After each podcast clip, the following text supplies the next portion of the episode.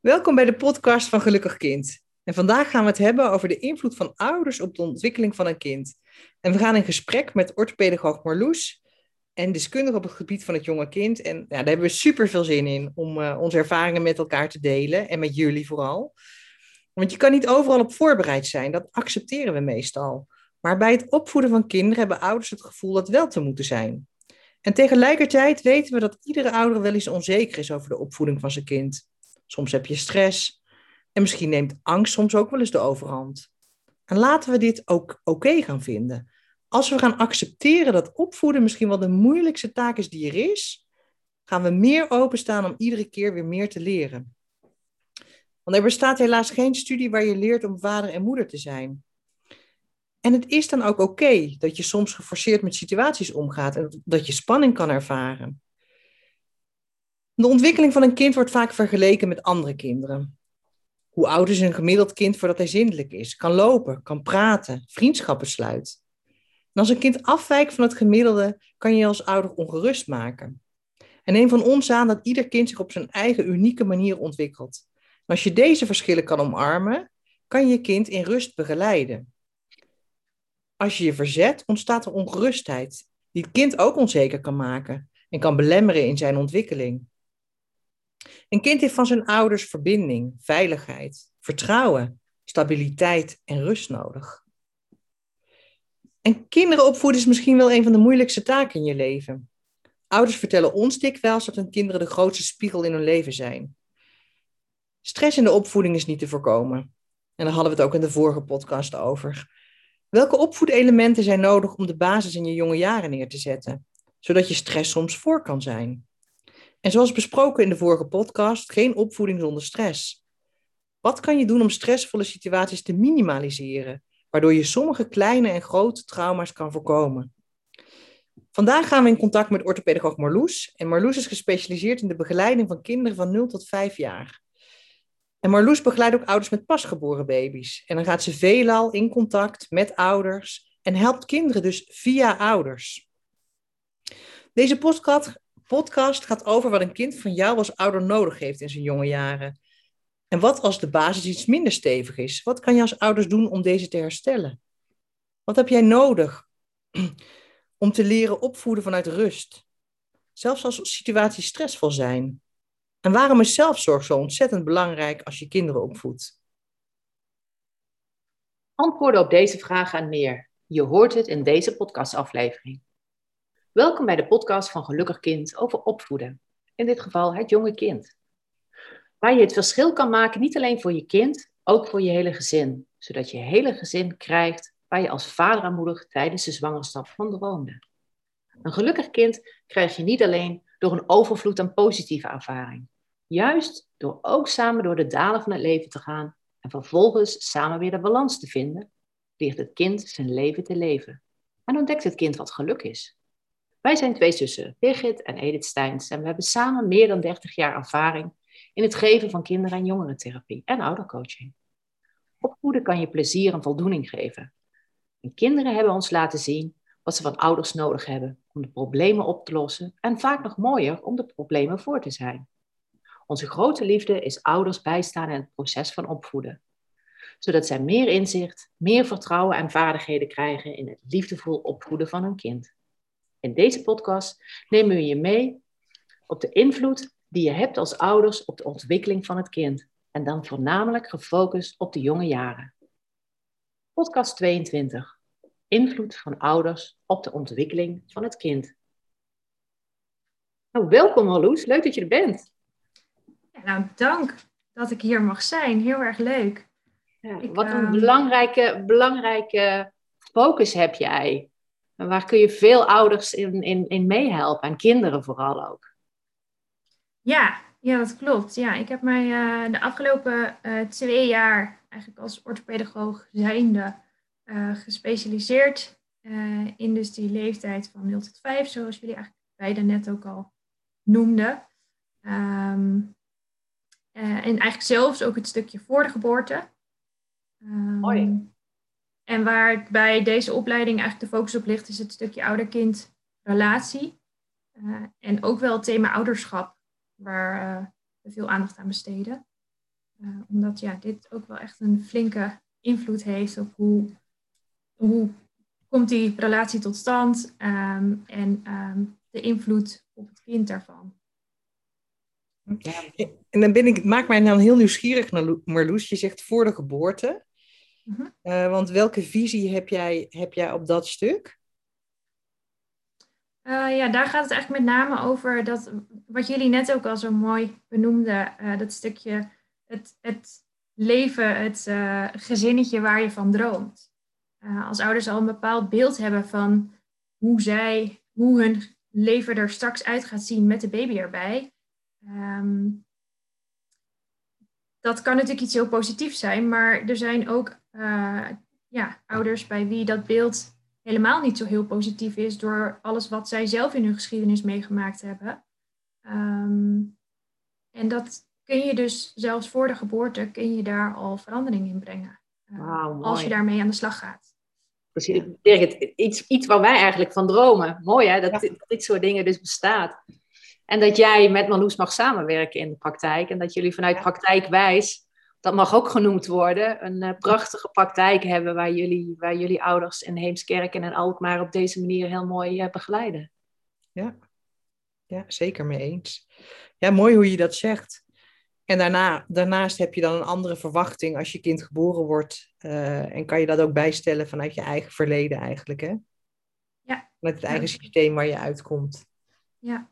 Ja. Wat is de reactie van de ouders daarin meestal, Marloes? Van, van, ik kan me voorstellen dat dat ook heel confronterend is. Hoe, hoe ervaar jij dat? Ja, nou, dat, uh, wat, je, wat je zegt klopt zeker. Um, ik merk namelijk toch ook wel dat uh, er toch nog wel veel ouders zijn um, die hun kind aanmelden. Uh, mm-hmm. Omdat hun kind problemen heeft. Kijk, in, waar ik het net over had, dat gaat natuurlijk echt over al voor de geboorte. Um, maar er zijn nou eenmaal niet heel veel ouders die zich voor de geboorte van hun kindje al voor dit soort dingen aanmelden. Uh, dus die doelgroep is gewoon heel klein. Um, en je ziet van na de geboorte dat toch heel vaak het wel zo is dat, hun, uh, dat ouders hun kind aanmelden, uh, omdat het kind een probleem heeft. En als je dan ingaat op dat stukje ouderschap en de invloed die ouders hebben op hun kindje. Um, ja, daar, soms is dat inderdaad wel heel confronterend voor ouders. En ook niet elke ouder vindt dat even fijn. Mm-hmm. En daar moet dus echt ook wel eerst even een vertrouwensband voor worden opgebouwd, voordat je meestal met dit stukje aan de slag kunt gaan. En wat is jouw ervaring als ouders dan opeens gaan zien dat ze eigenlijk, eigenlijk is het iets moois, dat jij als ouder het voor het kind kan oplossen en dat jij iets kan veranderen? Wat, wat, wat zie je ontstaan als de ouders dat in zich krijgen? Ja, nou daar, dat is inderdaad precies dat stukje waar je natuurlijk eigenlijk uh, mee aan de slag gaat. En um, dat wanneer je ziet dat ouders daarin veranderingen kunnen aanbrengen, dat ze gaan zien wat is mijn aandeel in, in nou ja, probleemgedrag wat mijn kind laat zien. Want ja, dat is nou eenmaal vaak de reden waarvoor uh, een kind wordt aangemeld. Um, als ze dat gaan inzien, ja, dan, uh, um, dan verandert er vaak heel veel in het gedrag ook van een kind. Oh, mooi. mooi. Dus de grote, je kan de grote verandering zijn als ouder. En als je dat gaat omarmen, en dat is wat wij natuurlijk ook zien, Birgit, ook op oudere leeftijd, waar, waar het al wat moeilijker is, want dan kun je het nog makkelijker op het kind uh, uh, projecteren. En nou, mooie baan heb je, leuk. Ja, vind ik ook. Ja. En, en de visie die, die je dan hebt, want je noemde het net zo heel mooi dat je met een bepaalde bril eh, bent gaan leren kijken afgelopen twee jaar. En, en wat, wat is dat voor een bril dan eigenlijk? Van wat, wat is echt de, essentie die je, die je eruit haalt? Um, ja, goede vraag. Uh, ja, wij noemen het inderdaad uh, in de IMH, ehm, wat overigens staat voor Infant Mental Health. Ik weet niet of ik dat al genoemd heb, maar um, noemen wij het inderdaad een, een bepaalde bril waar je mee kijkt. Uh, waarin je dus eigenlijk al, uh, ja, het is groot gezegd, maar je, de focus um, ligt eigenlijk op problemen bekijken vanuit de ouder-kindrelatie. Uiteraard kijk je ook naar het kindje zelf en of er uh, bij het kind zelf problemen zich voordoen. in de ontwikkeling bijvoorbeeld. Ehm, maar het grootste gedeelte bekijk je eigenlijk de problematiek toch wel vanuit die ouder-kindrelatie. Um, en ga je dus ja, samen met ouders op zoek naar wat, wat gebeurt er hier nu allemaal. Uh, waarvoor het heel vaak nodig is om ouders um, ja, eigenlijk te helpen stilstaan, te helpen vertragen uh, en te helpen kijken naar wat, wat gebeurt er in deze situatie en um, wat voelt mijn kindje, wat uh, denkt mijn kindje en op welke manier kan ik daar als ouder op inspelen. En dat zeg je heel mooi, Marloes. En wat ik ook hoor zeggen, ook al heeft het kind bijvoorbeeld ontwikkeling, zit er iets in de ontwikkeling van het kind, dan nog heeft een kind dit nodig van zijn ouders. Ja, ja, absoluut. Het staat ja. eigenlijk los van elkaar, toch? Ja, ja, ja, en ik denk eigenlijk misschien juist als een kindje um, vanuit zijn eigen ontwikkeling uh, dus bepaalde achterstanden heeft of juist heel erg voorloopt, um, dan juist is er bepaalde aanpassing nodig, denk ik, in die ouder-kindrelatie. Dan ja. vraagt het soms misschien nog wel meer van de ouders dan wanneer een kind zich gemiddeld uh, ontwikkelt. Ja. En het, het is ook logisch eigenlijk dat je als ouder gaat stressen als er iets aan de hand is met je kind. Want dat is natuurlijk niet waar je, waar je van gedroomd hebt. Dus eigenlijk zet je die stress ook, hoor ik jou ook zeggen, tussen het kind en jou in. Dus jij zegt, door die verstilling, door die vertraging, uh, ga je als ouder eigenlijk heel realistisch kijken, wat is hier nou daadwerkelijk aan de hand? Wat gebeurt hier nou? Ja, ja zeker. En ik denk dat daarin, de, nou ja, mooi dat je het zo als stress benoemt, uh, dat je daarin als therapeut zijnde um, ook een, een soort van regulerende werking in eerste instantie moet hebben op ouders. Uh, dat je hen moet leren stilstaan bij hun eigen gevoel en dat het oké is en dat je daarmee hun stresslevel eigenlijk laat, laat zakken. Voordat zij überhaupt in staat kunnen zijn um, om te gaan kijken wat veroorzaakt nou deze stress of dit gedrag bij mijn kindje. Ja. Eigenlijk ook, Birgit, wat wij natuurlijk in de online training uh, en contact met je kind die verstilling die we daar noemen, dat ouders dan ook zeggen van als ik, als ik daarin ga staan, komt er opeens iets anders naar voren. Eigenlijk, eigenlijk is het allemaal niet heel moeilijk, maar we maken het ingewikkeld doordat er zoveel facetten spelen. De ontwikkeling, het gevoel van ouders, het gevoel van vader, het gevoel van moeder, het gevoel van kind. Uh, er komt gewoon heel veel bij kijken. Het wordt een ingewikkelde soep doordat er, dat er veel bij betrokken is. En dan ook nog problemen, en dat wil je niet. En dan komt er ook nog stress, die zet je dan ook nog ertussen. Ja, ja en zeker. Mm -hmm. Sorry. Wie zeg jij, mama? Uh, nou ja, ik denk ook dat, dat ouders heel logischerwijs uh, op het moment dat er zich problemen voordoen, uh, in de actie schieten. En willen dat het probleem wordt opgelost. Uh, en daardoor soms te snel voorbij gaan aan wat er nu eigenlijk daadwerkelijk speelt. Hmm. En waar het vandaan zou kunnen komen. Ja. Hoe vaak wordt er gekeken naar een soort van symptoombestrijding, terwijl de onderliggende oorzaak dan misschien nog helemaal niet bekend is. En dan ja, ben je een soort van brandjes aan het lussen. Um, weet, je wat zo, weet je wat zo mooi is? Ik, ik hoor in jou als persoon, hoor ik al de verstilling. Als ik als ouder met jou zou werken, ben jij eigenlijk al de verstilling voor mij. Ja, nou dat is ook eigenlijk precies het doel. Ja, dat probeer ik inderdaad te zijn. Uh, die, eigenlijk echt die, die rust te pakken, ook al in mijn gesprekken met ouders. Om, um, ja, om dus in eerste instantie bij hen wat meer rust te creëren.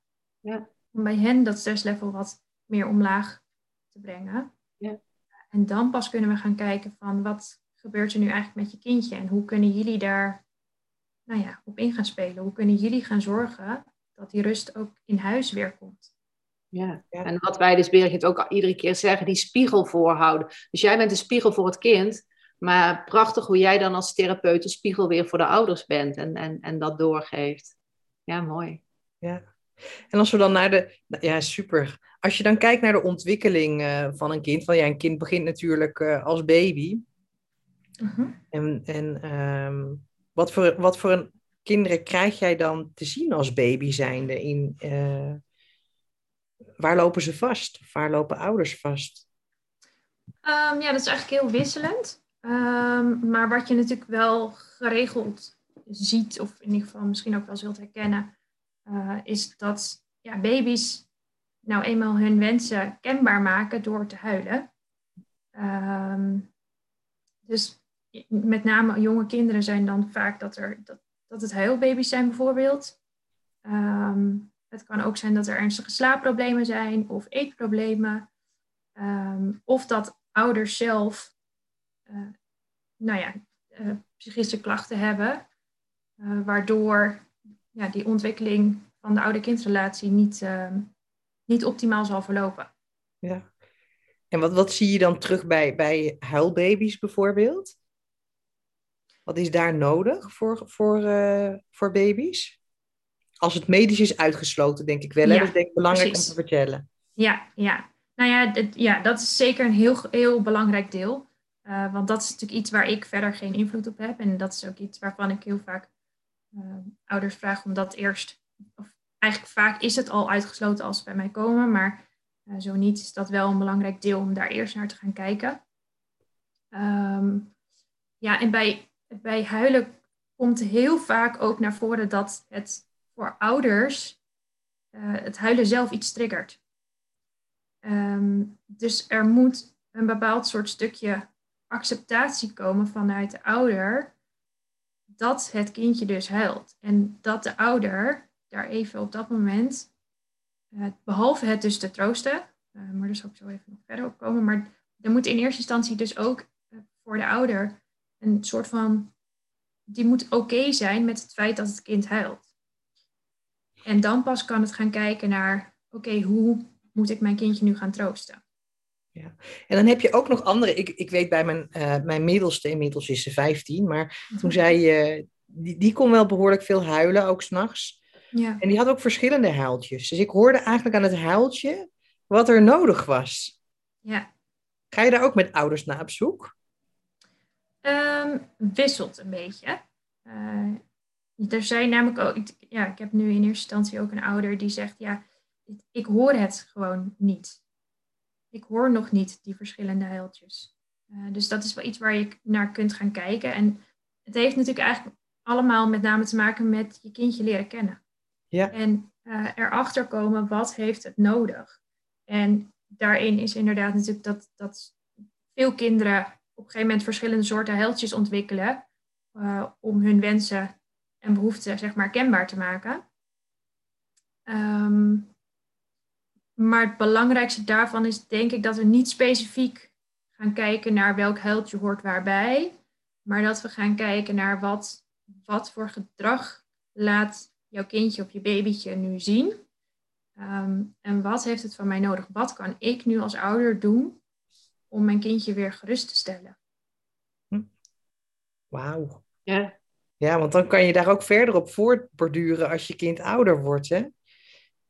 Hè, dus, Ja. dus ik, ik weet dat wat ik een hele moeilijke leeftijd vond als we naar de ontwikkeling kijken, was dat mijn kinderen gingen lopen en kruipen en overal aankwamen, maar nog niet zo goed konden communiceren. Ik kon nog niet zo goed, ze snapten nog niet zo goed als ik een grens aangaf.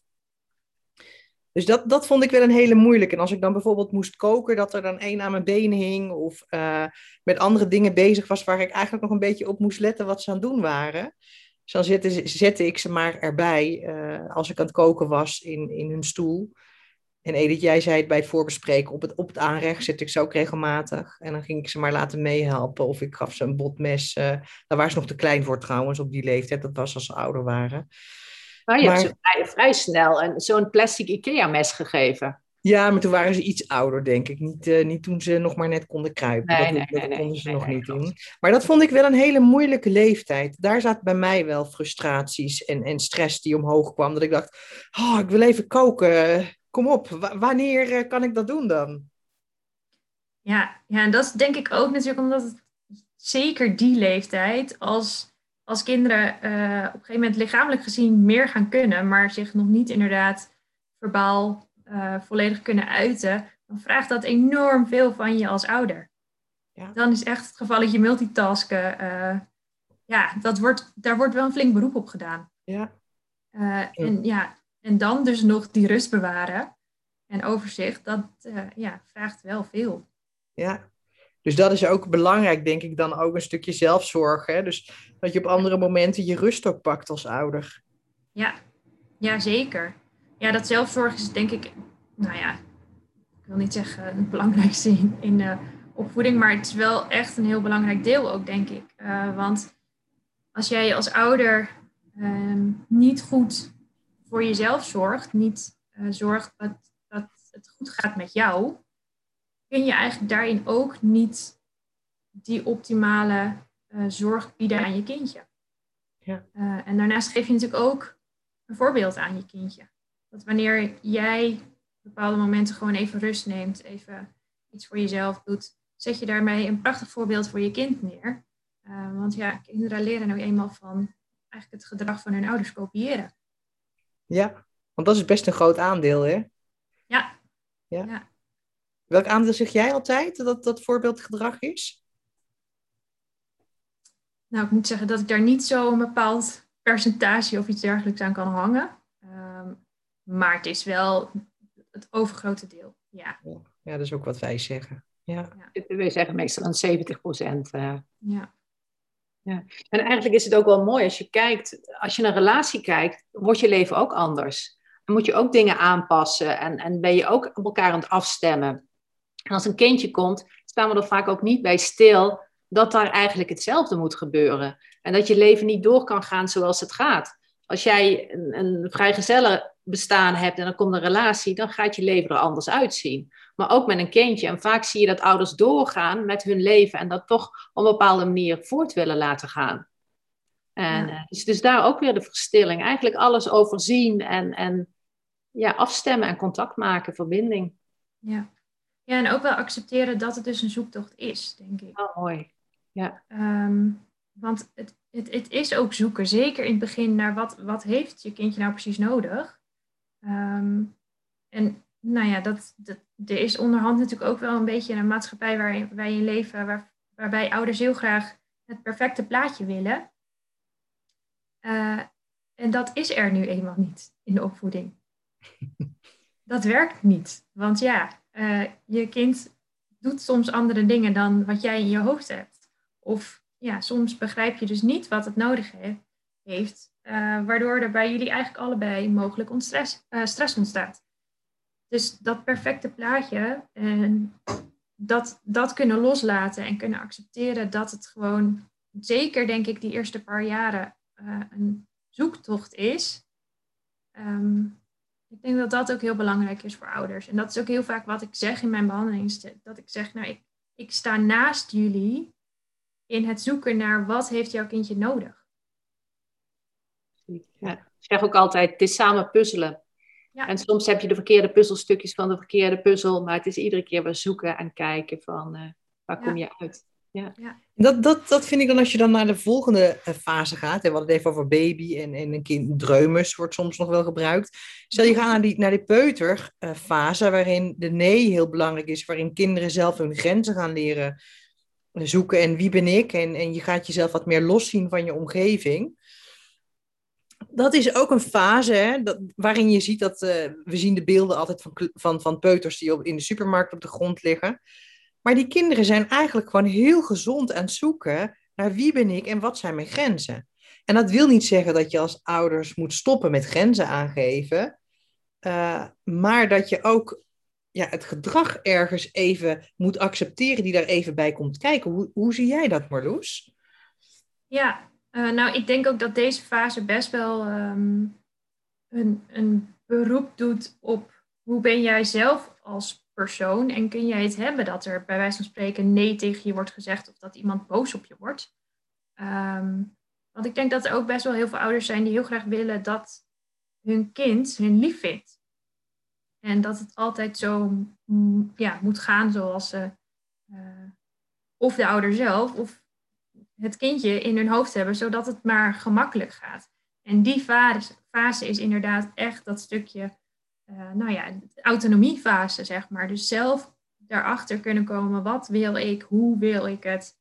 En, uh, en vaak daarin is het dan wel, ze willen heel veel, ehm, maar kunnen nog lang niet alles. Uh, dus daarin is het heel belangrijk om de juiste begeleiding te geven.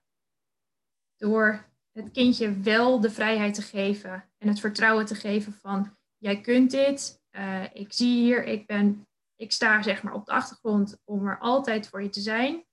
Um, maar daarnaast dus ook los te laten om het zelf uit te proberen. Ja. En soms kunnen ook dingen niet. En, en dan kan, dat kan je ook heel liefdevol zeggen, hè? zonder oordeel, liefdevol vanuit verbinding. Ja, ja, ik denk dat daarin die grenzen stellen uh, heel erg belangrijk is. En um, dat grenzen ook, ja, dat dat gewoon een heel groot deel van de opvoeding is, want elk kind heeft grenzen nodig.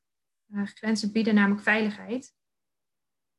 En zonder die veiligheid uh, kan een kind zich niet optimaal ontwikkelen. Ja, en duidelijkheid ook, hè? Dat is ook een hele mooie bij grenzen. Ja. ja. ja. ja. Wauw, wat een mooie woorden allemaal, Marloes. Ik denk dat ouders van jonge kinderen hier heel veel aan hebben. Dat er zeker kwartjes vallen. En uh, mooi, mooi verhaal zo, leuk. Ja, en, en als je naar die kleuterleeftijd gaat, wat, wat zie je dan vooral terug? Um, je bedoelt nu van de, de, de kinderen die ik veelal zie? Dat kan, ja. Of, of in de algemeenheid. Oh ja. Um, nou, ik moet zeggen dat ik tegenwoordig van de, de uh, leeftijd, of de, de kinderen die ik binnenkrijg, uh, het veelal kinderen zijn die net eventjes buiten de boot vallen. Uh, als in qua gemiddelde ontwikkeling. dat het kinderen zijn die of boven verwachting presteren, of daaronder. En dan zie je het wel, ja, met name ook wel op school, maar eigenlijk in die eerdere leeftijd ook al, dat er worden nou eenmaal gemiddeldes genomen. En wanneer je kind daar niet volledig aan voldoet, uh, dat heel vaak ook geuit wordt naar ouders, wat best wel kan zorgen voor zorgen. Um, maar ook dan is het dus weer gaan kijken naar wat heeft mijn kindje nodig? Waar kan ik zorgen, in ieder geval in die thuissituatie, voor um, de verbinding uh, en het aansluiten daarbij? Um, ja, en wat, hoe uh, kunnen we dat ook weer laten doorwerken, bijvoorbeeld op school? Ja. Ik moet ook denken aan een meisje die ik op dit moment in de praktijk heb, die uh, drie maanden te vroeg geboren is. Mijn vader heeft zich eigenlijk voorgenomen van begin af aan, uh, zij gaat gewoon in een gewone ontwikkeling meekomen. En die, zij voldoet dus ook, dus voldoet niet aan die gemiddelde norm en zit daaronder. En doordat vader zo op dat proces en zo in die gedachte is gaan zitten toen het meisje geboren was, dat, uh, dat ze maar mee zou komen, dat hij haar eigenlijk daardoor tegenhoudt in haar ontwikkeling. En, en nu we daar los van zijn, zie je dat ze enorme groeispurten maakt. Zelfs ook, dat vind ik ook altijd een hele mooie bij jonge kinderen. Dat als ze goed in hun vel zitten en het gaat goed en het proces komt op gang, dat ze opeens ook een groeispurt fysiek maken. Dat ze opeens echt heel snel groeien, zo uit de kleren gegroeid zijn. En, en dat is belangrijk voor ouders ook om te weten. Dat zie je ook vaak in vakanties natuurlijk, als er rust is. Dat ouders ook weten van, van als dat gebeurt, verzilver het ook en ga ook blij zijn van hé, hey, je kind kan de, de, de lengte aannemen en de ontwikkeling aannemen die in hem zit. En Marloes, wat zou het opleveren als je op deze manier gaat opvoeden? Dus eigenlijk als je gaat opvoeden vanuit acceptatie dat het niet perfect kan, maar ook wel vanuit verbinding elke keer bij je kind blijft, wat je kind ook laat zien in zijn ontwikkeling. Ja, ik denk dat dat um, uh, ten eerste voor ouders vaak veel rust kan geven. Um, en dat je vanuit dus die rust, uh, die er bij ouders meer is, um, dus beter kan aansluiten bij je kindje. En dat, ja, dat dus zorgt voor beter, uh, een betere ouder-kindrelatie.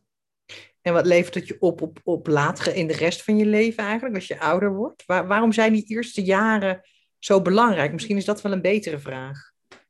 Ja, Uh, nou ja, ik denk dat in eerste, in eerste instantie, kijk, die eerste jaren zijn belangrijk omdat je dan een soort van patronen in de interactie vastlegt. Uh, dus hoe ga jij, hoe gaat uh, de ouder om met het kind, maar ook andersom. En, en, die patronen gaat het kind de rest van zijn leven meenemen in alle andere contacten die jij of zij gaat hebben. Um, dus daarin is het al een hele belangrijke, denk ik. Um, en daarnaast, als je van jongs af aan dus die verbinding opzoekt en uh, dat stukje zelfvertrouwen bij je kind creëert of stimuleert uh, door voor die veilig, veiligheid te zorgen, onder andere, um, is dat ook iets wat het kind natuurlijk de rest van zijn leven zal voelen op die manier. Dat wanneer er iets is, wanneer er, nou ja, waar jullie de vorige podcast over hadden, stressvolle situaties zijn, dat het weet ik kan altijd terugvallen op mijn ouders. En, en als het ouder is, natuurlijk op zichzelf als persoon. Ja, precies. Volwassene. Ja. De veiligheid Ja. zit in jezelf. Ja, ja. Ja, wauw. Mooie Ja. dingen. Nou, Birgit, ga jij maar eens een samenvatting van dit gesprek geven. Er, zit, Ja, er zijn heel veel dingen voorbij gekomen. Er is heel veel voorbij gekomen. Maar wat ik, wat de highlights die ik er echt uithaal, is dat het eh, de rust. De rust, het overzien, eh, het accepteren dat het af en toe een chaos is. En, en, en dat je niet een perfecte opvoeding kan neerzetten. Dat die acceptatie belangrijk is. En dan is, de, is ook die rust makkelijker om weer te pakken. Ja, En, en eh, ook dat- het aandeel wat jij als ouder hebt, dat dat zo groot is. En dan kun je van één kant aangevallen voelen, maar je kunt het ook als een, als een geschenk zien. Want prachtig toch dat jij het kan oplossen, liefdevol voor je kind. Ja. Ja, ik, ik vind het prachtig wat je gezegd hebt. Marloes, dank je wel. Nou ja, dank jullie wel Je hier eh, mee mocht doen en eh, zo'n leuk gesprek konden hebben hierover. ja, Ik denk dat we daarin elkaar juist heel mooi ook aanvullen. ja. Ja. Nou, dankjewel. Ja, ja, ik vind dat, het ook eh, prachtig om met jou te mogen samenwerken in de praktijk. Dat is ook mooie, mooie gesprekken die we hebben Ja, ja, over, eens. over kinderen. Zeker. Ja. Ja. Dus nou, geniet ervan, eh degene die luistert, over wat je allemaal gehoord hebt. En eh, je kan het altijd nog een keer luisteren, want dan vallen vaak nog meer kwartjes. En mocht je denken, ik wil, eh, ik wil een stukje door Marloes begeleiding hebben, dan moet je naar eh, praktijkwijs.nl en daar eh, vind je Marloes terug. Nou, heel veel succes gewenst en tot de volgende keer. En super dat je weer luisterde naar de podcastaflevering van Gelukkig Kind. Ben je door deze podcast enthousiast geworden en wil je nog meer stappen maken, dan hebben wij iets heel moois voor jullie. Gelukkig Kind heeft een zesdaagse oudertraining om je eigen uitdagingen te onderzoeken. Juist hetgene waar we het vandaag over gehad hebben. Op een veilige en liefdevolle manier maak je verrassende stap als mens en als opvoeder. En we weten zeker, dat hebben we zo vaak gezien, je krijgt een ander kind. En je zal niet alleen trots zijn op je kind en ook op jezelf. Het leven wordt makkelijker en ook de opvoeding wordt makkelijker. Daarnaast hebben we natuurlijk het boek De volgende stap in opvoeding door Edith Steins geschreven. Hierin lees je veel onderwerpen die we in de podcast besproken hebben. Wil je meer leren over de ontwikkeling van het kind en de frustraties in de opvoeding? Dan eh, staat dit allemaal in het boek beschreven. Ga naar gelukkigkind.com en kies voor producten. Weet je dat we wekelijks gratis webinars geven? Ga naar gelukkigkind.com en klik op webinars. Vind je deze podcast interessant en wil je deze delen met een andere ouder of een professional? Ga dan naar de drie puntjes rechtsboven en kies voor delen. En wil je direct meer inspiratie, meld je dan aan voor de nieuwsbrief via de site van gelukkigkind.com. Kortom, voldoende opties om opvoeden nog leuker te maken. Nogmaals onwijs bedankt en tot een volgende keer. Dag! Dag!